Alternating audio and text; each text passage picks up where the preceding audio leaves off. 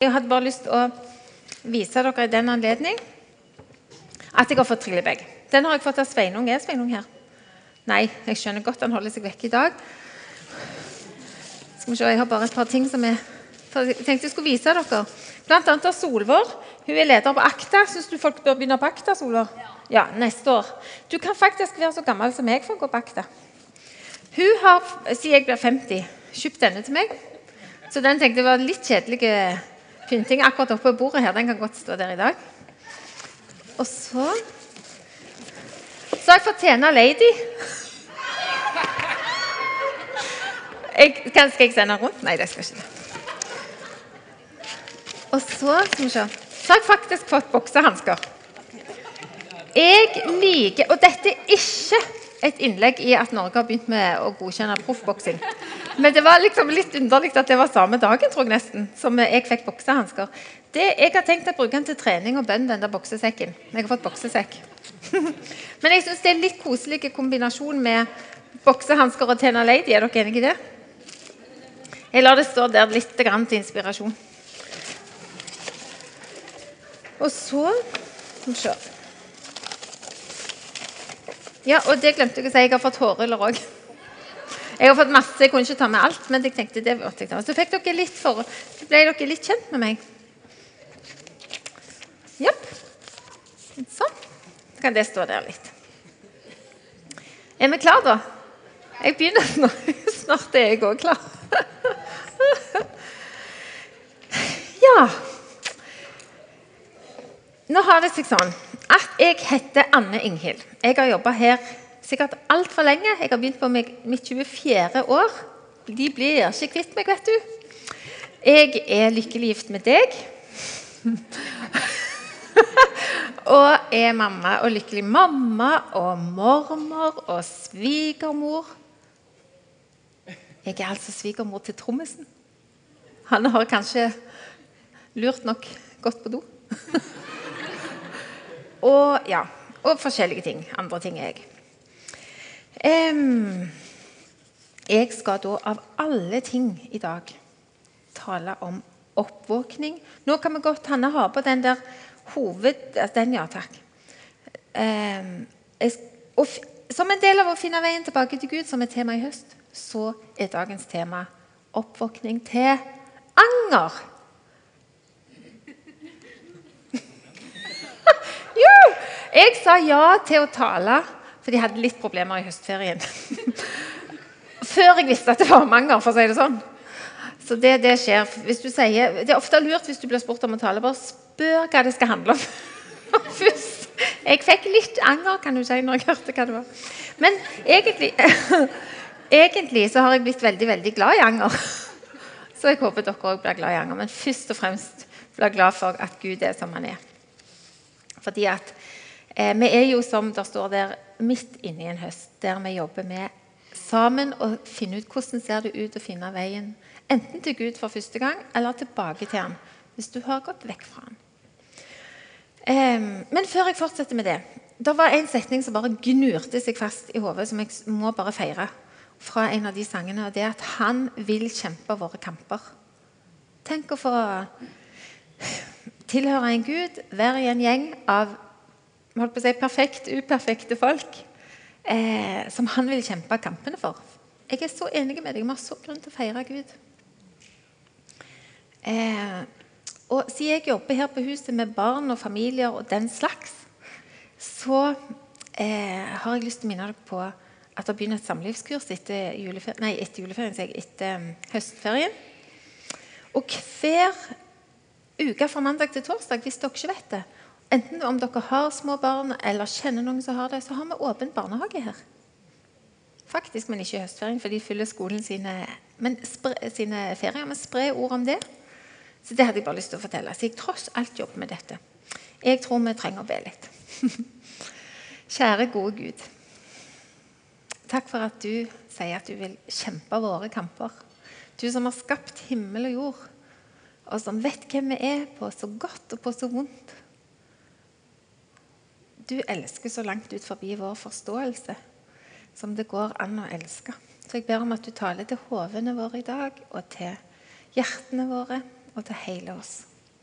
Og jeg ber om at jeg ikke skal stå i veien for deg en prikk, men at ditt ansikt skal bli så synlig og tydelig for oss. Så vi finner veien til deg eller finner veien tilbake til deg, om vi har rotet oss kort eller langt vekk. Vi roter og strever og, får det til.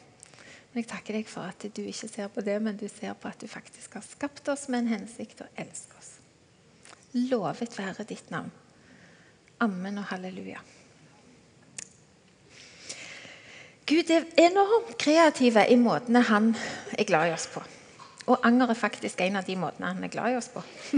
Han har skapt oss med evnen til å angre. Det kan ingen andre enn mennesker gjøre. Faktisk. Eh, jeg er litt sånn når jeg taler, eh, at jeg ikke alltid bare liksom fyller ett spor. Det kan være noen av dere blir litt stressa av det, men nå skal jeg ta et bitte lite spor liksom, før jeg fortsetter på hovedsporet. Er dere med på det? Jeg skal snakke litt om det med anger først. Eh, nå kan du lure på om jeg kan ønske meg Hanne nå Eller å, nå er det Eivind, ja. Hei. Om jeg kan ønske meg det bildet av den faren og sønnen i disse fargerike Det, ja. Er det noen av dere som har lest den barneboka når dere var små? Ja. Eller lest den for barn eller barnebarn? Jeg elsker den. Kanskje den bare står på litt, for det er, så, det er liksom der vi er på vei. Via anger, blant annet. Er dere med? Um, anger er jo utrolig menneskelig. Det er beskrevet i Bibelen. Det er beskrevet i litteraturen. Det er beskrevet i psykologien. Det er beskrevet i filosofien. I teologien. I kriminologien. Anger, anger er et kjent fenomen for oss mennesker. Og I tillegg til veldig sånn akademiske termer så er det òg i mer eller mindre populærvitenskapelige sammenhenger snakket om anger. Hvis vi skal utvide det begrepet litt, så kan vi snakke om skuffelse eller sorg for det som ikke ble sånn som vi ønska eller lengta etter, eller så for oss, enten i våre liv eller andre sine liv som vi er glad i. Eller sorg eller skuffelse over oss sjøl for ting vi har rota det til for oss med, eller andre har rota det til for oss. Og det kan veldig lett, naturlig nok, da, føle til, føre til Hvis jeg angrer på noe, så kan jeg føle meg skamfull, jeg kan føle meg lei, litt sånn nedtrykte. Det kan gi meg skyldfølelse, og det kan føre til at jeg blir sittende liksom fast i en sånn klister så jeg ikke kommer meg av gårde fordi at jeg angrer på noe. Jeg blir ikke fri i det, og så føler jeg at livet ikke liksom går framover. Skjønner dere hva jeg mener? Hva kan vi da angre på? Det er jo selvfølgelig noen helt sånne hverdagslige situasjoner vi kan angre på. Jeg angrer ofte på at jeg spiste den sjokoladen som jeg ikke skulle spist. Når jeg bare egentlig skal spise på lørdager. Jeg slutter med snop hver mandag. Eh, jeg kan angre på at jeg, så, at jeg så den siste episoden av den serien. For jeg ble så trøtt dagen etterpå. Eller jeg anbefaler alle dere som ikke var på G11, å gå inn og høre talen til Egil Elling og høre om en vanvittig morsom historie om en SMS som ble sendt til feil person. Dere kjenner det nesten bare jeg nevner det. Men den var så, Jeg kjente vondt i magen lenge etterpå. Hør på den nydelige talen Egil Elling holdt. Og pga. den historien. Det er selvsagt mye mer alvorlige grunner til anger enn det som jeg nevnte nå mer eller mindre alvorlige eller, mer eller større, større, eller mindre konsekvenser av det. Det kan f.eks. være valg av utdanning du angrer på. Kanskje du til og med har fullført en hel utdanning og så tenker 'Hvorfor gjorde jeg det?' Det kan være at du har kjøpt hus i feil by, eller altfor dyrt. Det kan være at du har beveget deg på kanten av loven eller på andre sida av loven. Det kan være at eh, du eller jeg da har gjort eh, valg som får livslange konsekvenser for oss sjøl eller andre. Så anger kan liksom være i hele det spekteret. Hva angrer jeg på? Jeg, da hadde jeg gått veldig langt over tida hvis jeg skulle sagt alt jeg angrer på. Men jeg angrer f.eks. på at jeg slutta som aktiv turner og klassisk pianojente når jeg var 14 hadde spilt klassisk i syv år var blitt ganske gode, og så slutta jeg både med det ene og det andre. fordi at jeg tenkte nei, det kan jeg ikke gjøre når jeg skal fylle Jesus. Det går ikke an. Og det angrer jeg jo på. Det var jo bare tull. Klart du kan bruke evnene dine for det om du fyller Jesus. Det, men samtidig har jeg glede av det. Nå har jeg akkurat fått stemt pianoet, så har jeg tatt fram Brams, Brahms Intermesso, Opus 117. Kjempevanskelig, men veldig kjekt. Så jeg holder ennå litt glad av det. Jeg angrer på ting som jeg har sagt til jentene i oppveksten deres. Jeg har eksempel, Når de har angra på noe, ikke vært så nådige og gode mot de som jeg egentlig har som standard at jeg vil være som mor. Eller at jeg eksempel, når jeg har vært litt hissige når jentene var tenåringer, så satt jeg i bilen, kjørte de til et eller annet sted, eller fra et eller annet sted, og så tenkte jeg nå må du ikke si det. Du må ikke si det. Og så bare hører jeg meg sjøl si det. Veldig rart. Det angrer jeg selvfølgelig på sånne situasjoner. Jeg angrer på dumme valg jeg har tatt som menneske, som leder. Feil, jeg angrer på at jeg har møtt, på, møtt folk på feil måte. For Hvis folk har vært kjempeuenige med meg, så har jeg ikke møtt dem på en sånn måte som jeg tenker sånn vil jeg møte folk. Kanskje jeg har eh, gjort det i forhold til noen av dere.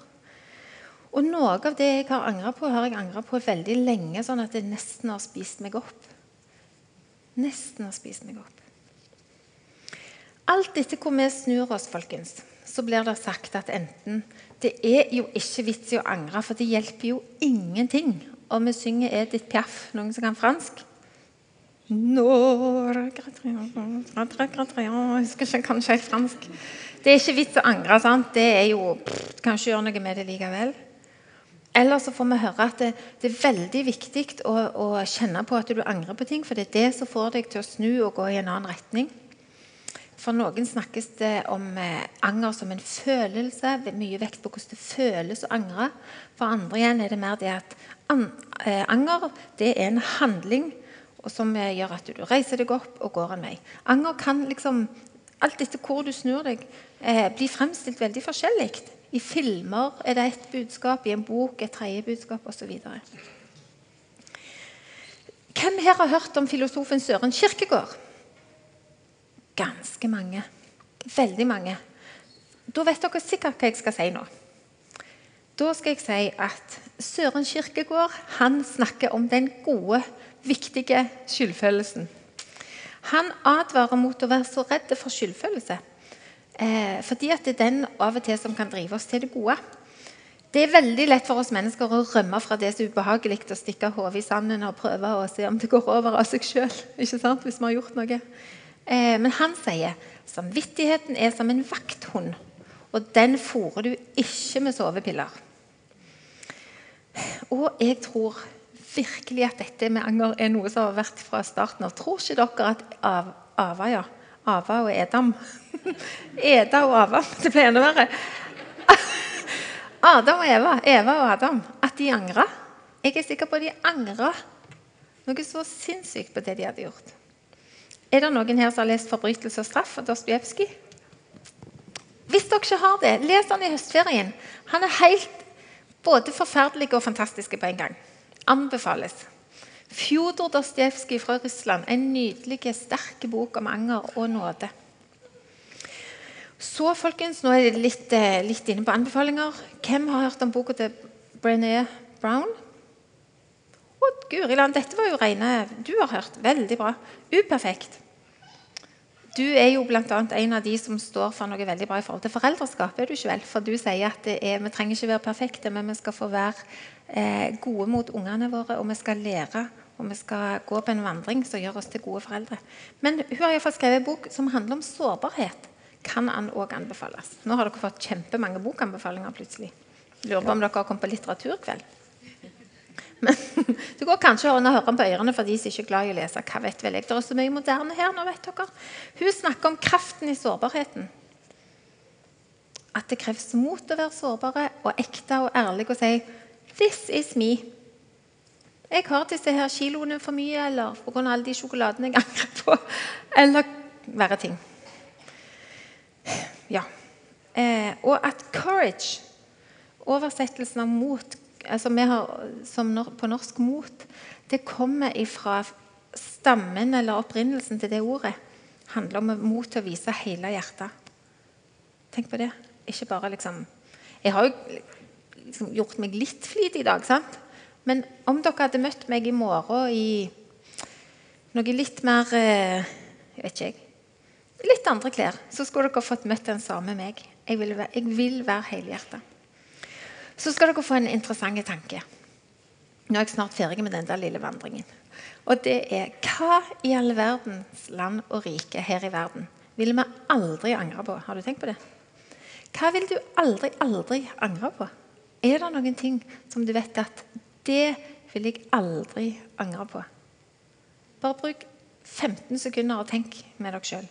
Hva er det jeg aldri vil angre på i livet mitt?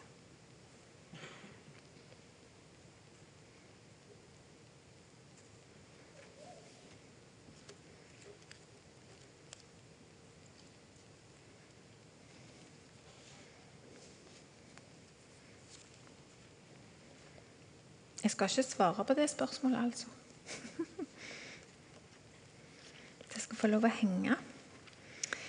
Nå har vi vært en liten rundtur inn i angerens verden. Bitte, bitte, bitte liten en. Hallo, dette er det sikkert skrevet tusenvis av sider om og snakket om i mange sammenhenger. Da, visste dere forresten at det er skrevet 540 selvhjelpsbøker på norsk? 540 selvhjelpsbøker på norsk. Og en god del av de handler også om dette. Hvordan i all verden kan jeg få det bedre og kjenne det bedre? Og hvordan kan jeg enten bli kvitt angeren min eller bruke angeren min til noe godt osv.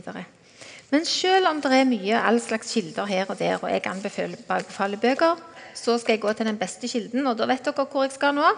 Skal ikke til de, skal til den. Bibelen. Hvis dere har med dere Bibel, så kan dere slå opp i Lukas 15. Og så skal vi se på et punkt på veien tilbake til Gud for den bortkomne sønn. Interessant nok, Gud er jo så artig med timing, syns jeg. For to dager siden så satt jeg og leste på senga for mitt lille barnebarn, og så sier hun 'Marmar, skal jeg fortelle deg en historie?' Så tenkte jeg å, det er litt seint. Er han lang? Nei da. Og så fortalte hun meg historien om den bortkomne sønn, som bl.a. jeg skulle tale om. Det er tøft. Iallfall. Vi skal lese ifra eh, kapittel, eh, vers 17 i kapittel 15. Det er på side 1189 i min bibel. Det er om han ene som spør etter arven fra faren på forhånd. Går ut, har det ganske gøy en stund til pengene er brukt opp. Og kommer på et punkt til seg sjøl. Han har spist grisemat og har faktisk ingenting igjen. Da kom han til seg selv og sa:" Hvor mange leiekarer hjemme hos min far har ikke mat i overflod, mens jeg går her og sulter i hjel? Jeg vil bryte opp og gå til min far og si:" Far, jeg har syndet mot himmelen og mot deg. Jeg fortjener ikke lenger å være sønnen din, men la meg få være som en av leiekarene dine. Dermed brøt han opp og dro hjem til sin far. Sønnen kom til seg sjøl han tenkte, og han bestemte seg for å bryte opp. Og så står det Og dermed prikk, prikk, prikk. Så skal ikke jeg røpe resten, for dere må komme resten av høsten òg og høre resten av fortellingen. Eh, og kom til seg sjøl. Når trengte jeg sist å komme til meg sjøl? Når trenger vi å komme til oss sjøl? For sønnen så var det da først og fremst den handlingen ut fra den tanken og den bestemmelsen som gjorde susen. Vi skal gå en plass til i Bibelen. Jeg har vært en stund i Salme 119. Den er kjempelang. Skal vi se. Eh, nå lurer jeg på Eivind, om du skal switche tilbake til det fine som du har lagt. Det er Eivind, det er han som sitter nå på grafikk, som har lagd alt dette her grafiske uttrykket vårt i denne serien. Og dette. Bare klapp for han.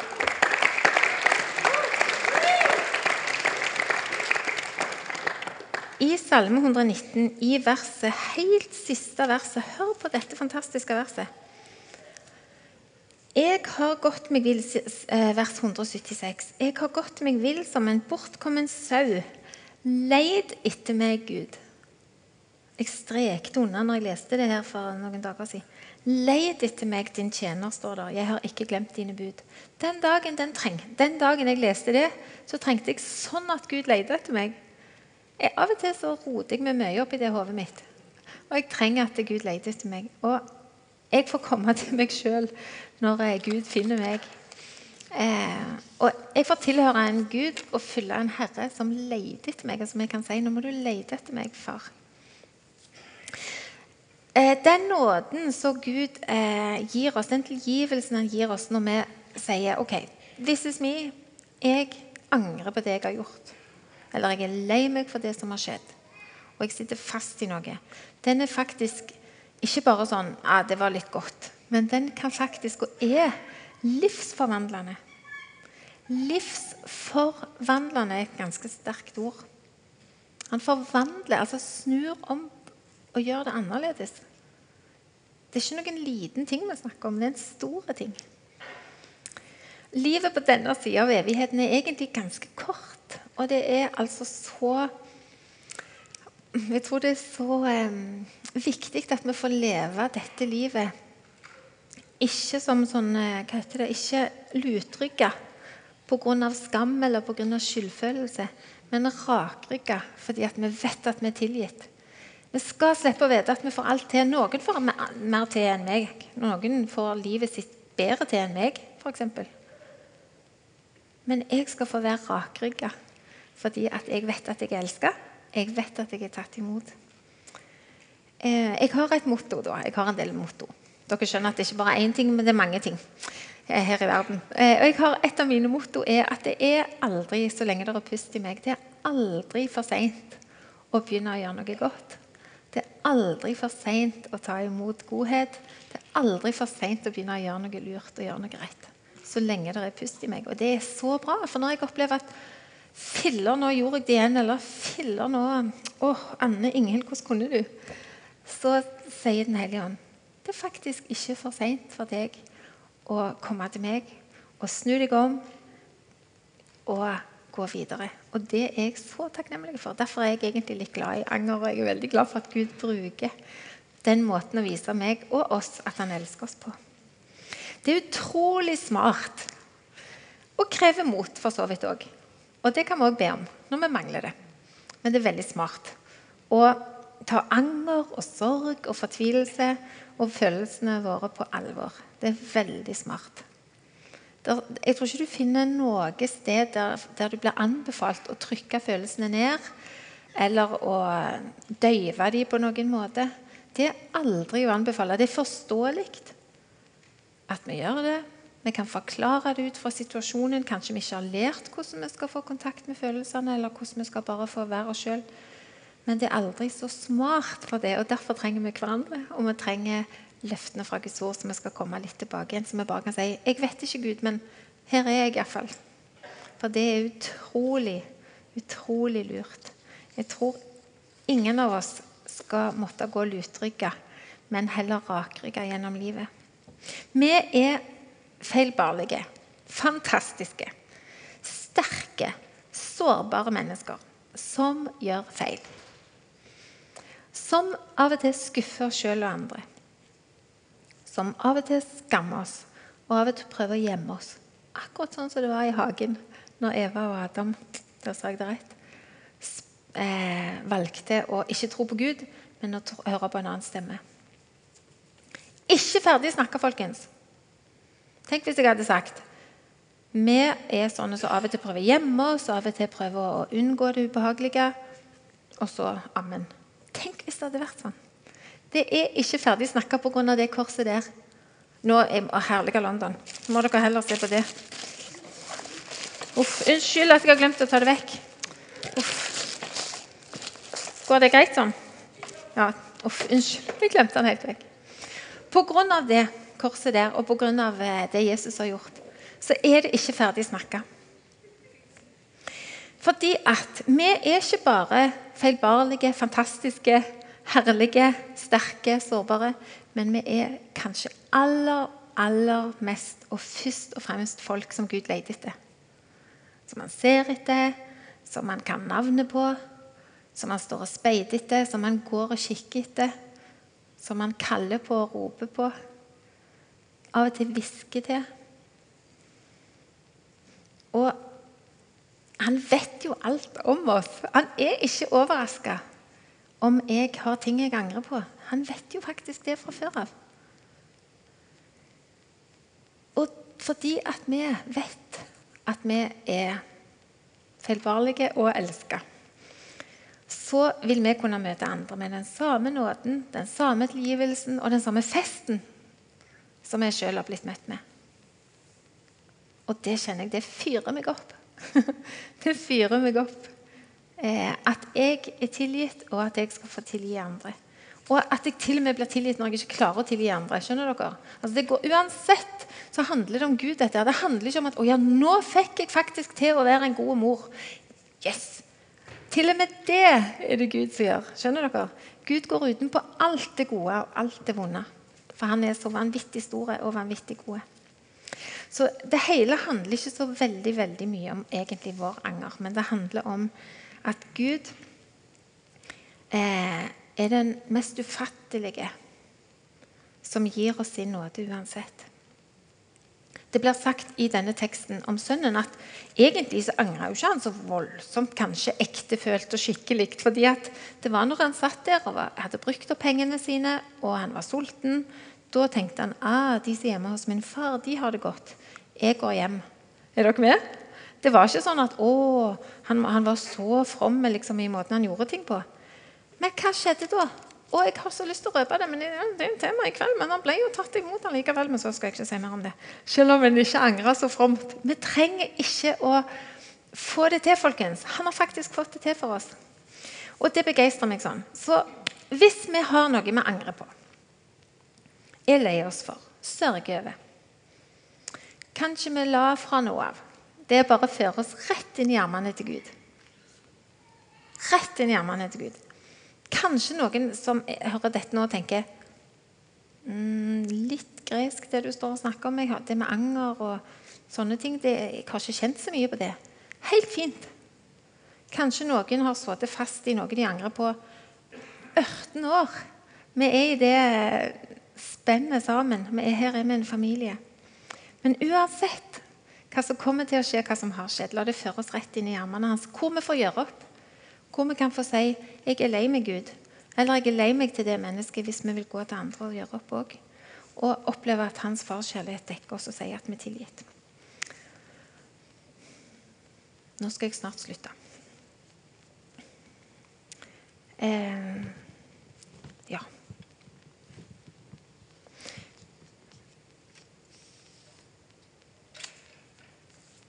Både i kirka og på vanlige hverdag så kan vi gjøre dette. Det kan være hjemme hos oss sjøl på en tirsdag. Det jeg opplevde Gud minte meg om når jeg sa til dere at jeg satt fast i noe som jeg hadde liksom vært en del av, som, jeg, som virkelig satt fast inni meg, det var at jeg opplevde at Gud bare minte meg om hva, hva jeg skulle gjøre. Og jeg snakket med noen, jeg visste at jeg var tilgitt av han, men jeg ble ikke kvitt det. Og så minte han meg, også når jeg hadde gjort den tingen, så minte han meg om neste skritt. Så jeg opplevde han, var, han gikk på sida av meg i det. Men det, det var utrolig oh, lettelse for meg å bare komme i gang med å handle på det. At jeg ikke bare prøvde å få det vekk. For jeg tror jeg blir en helere heilere person òg hvis jeg bare kan få lov å si sånn er jeg. jeg og jeg har ikke noe men. Jeg har ikke noen, Det er 18 forklaringer, men this is me, liksom. Jeg er så lei meg for det. Til Gud eller, og eller til mennesker. Så nå skal vi få møte en mann som heter Brian Welsh. Han var vokalist i et rockeband som heter Cord. Um, og han opplevde at det å være en eh, sånn en uh, populær musiker det var at han ble ganske sånn eh, nesten litt tilbedt. Og ble veldig sånn, og han følte liksom at 'Å, hallo, jeg er jo Ble litt sånn høy på seg sjøl. Eh, det var så mange sterke følelser som bobla opp. Han begynte å drikke. Eh, han begynte med stoff. Eh, han opplevde at eh, han fikk et barn, og at mammaen til det barnet eh, mista livet pga. stoff. Eh, og så skjer det noe med ham. Nå skal dere få møte Brian Welsh.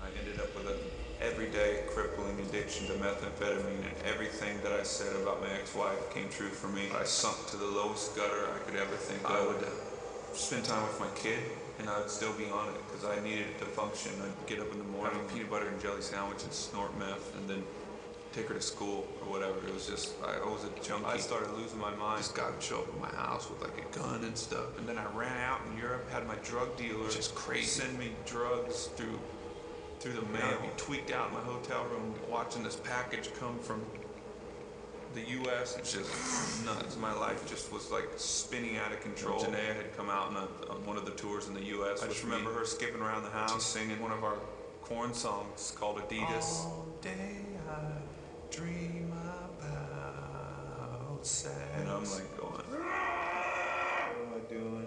I'm a junkie. My daughter's singing all day I dream about sex. And uh, I'm gonna die.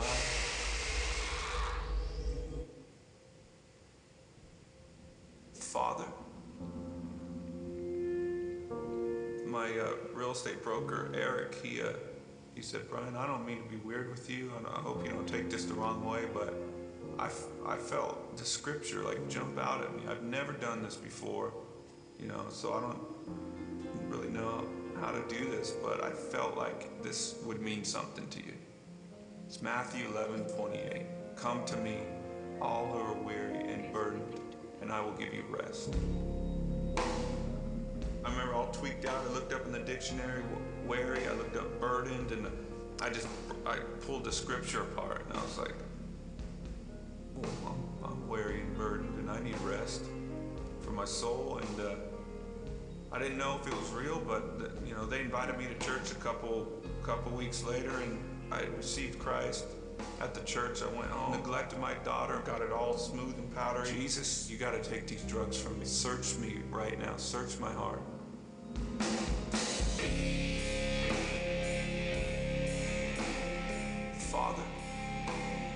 I felt so much fatherly love from from heaven, and it was like, I don't condemn you. I love you. I love you. It was just love, love, and instantly, that love from God came into me. It was so powerful that the next day I threw away all my drugs and uh,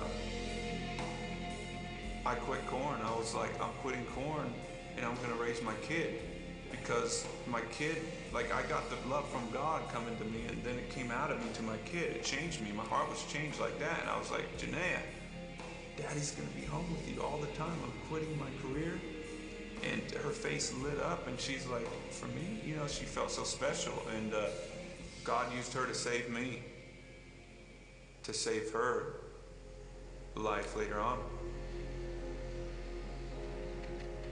my dream came true way more than i dreamt about i got i made more money i played bigger shows i mean houses cars I tried drugs, I tried sex, I tried everything to try to get pleasure out of this life. And I thought that I could fulfill my life with all this stuff by, by having my dream come true. And it came true, but it didn't fulfill it. When Christ came in, that feeling, He gives you the gift of understanding life, which is everything was created for Christ and by Him and we're created to be with Him. And it's the most incredible feeling because you're where you belong. And contentment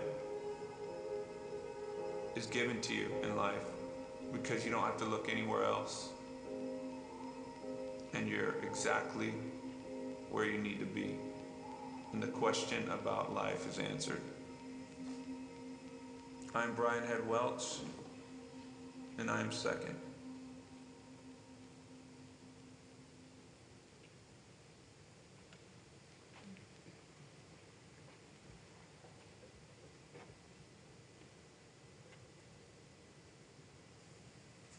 sterkt.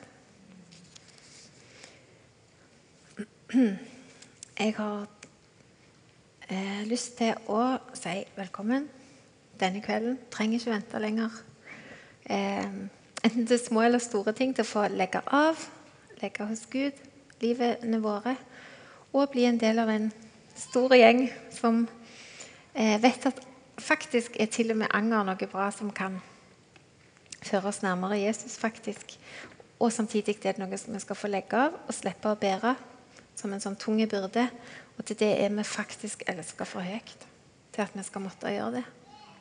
Så høyt har Gud elska oss. Nå skal dere bare få høre et løfte fra Gud fra Salme 103 til slutt. Og så har jeg faktisk bedt om en sang eh, så gjengen her skal formidle til oss, som heter 'Aldri går du fra meg', som er Guds løfte til oss. Hør på dette. Barmhjertig og nådig er Herren, fra vers 8. Og sent til vrede og rik på miskunn. Han anklager ikke for alltid og er ikke evig harm. Han gjør ikke gjengjeld for våre synder. Han lønner oss ikke etter vår skyld.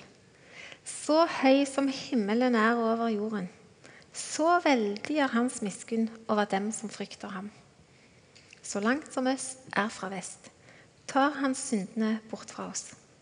Som en far er barmhjertig mot sine barn, er Herren barmhjertig mot dem som frykter ham. Det er det grunn til å si halleluja til. Er dere enige i det? Kan, jeg skal telle til tre, så har dere lov hvis dere vil og si halleluja. Én, to, tre. Yes! Gud er god.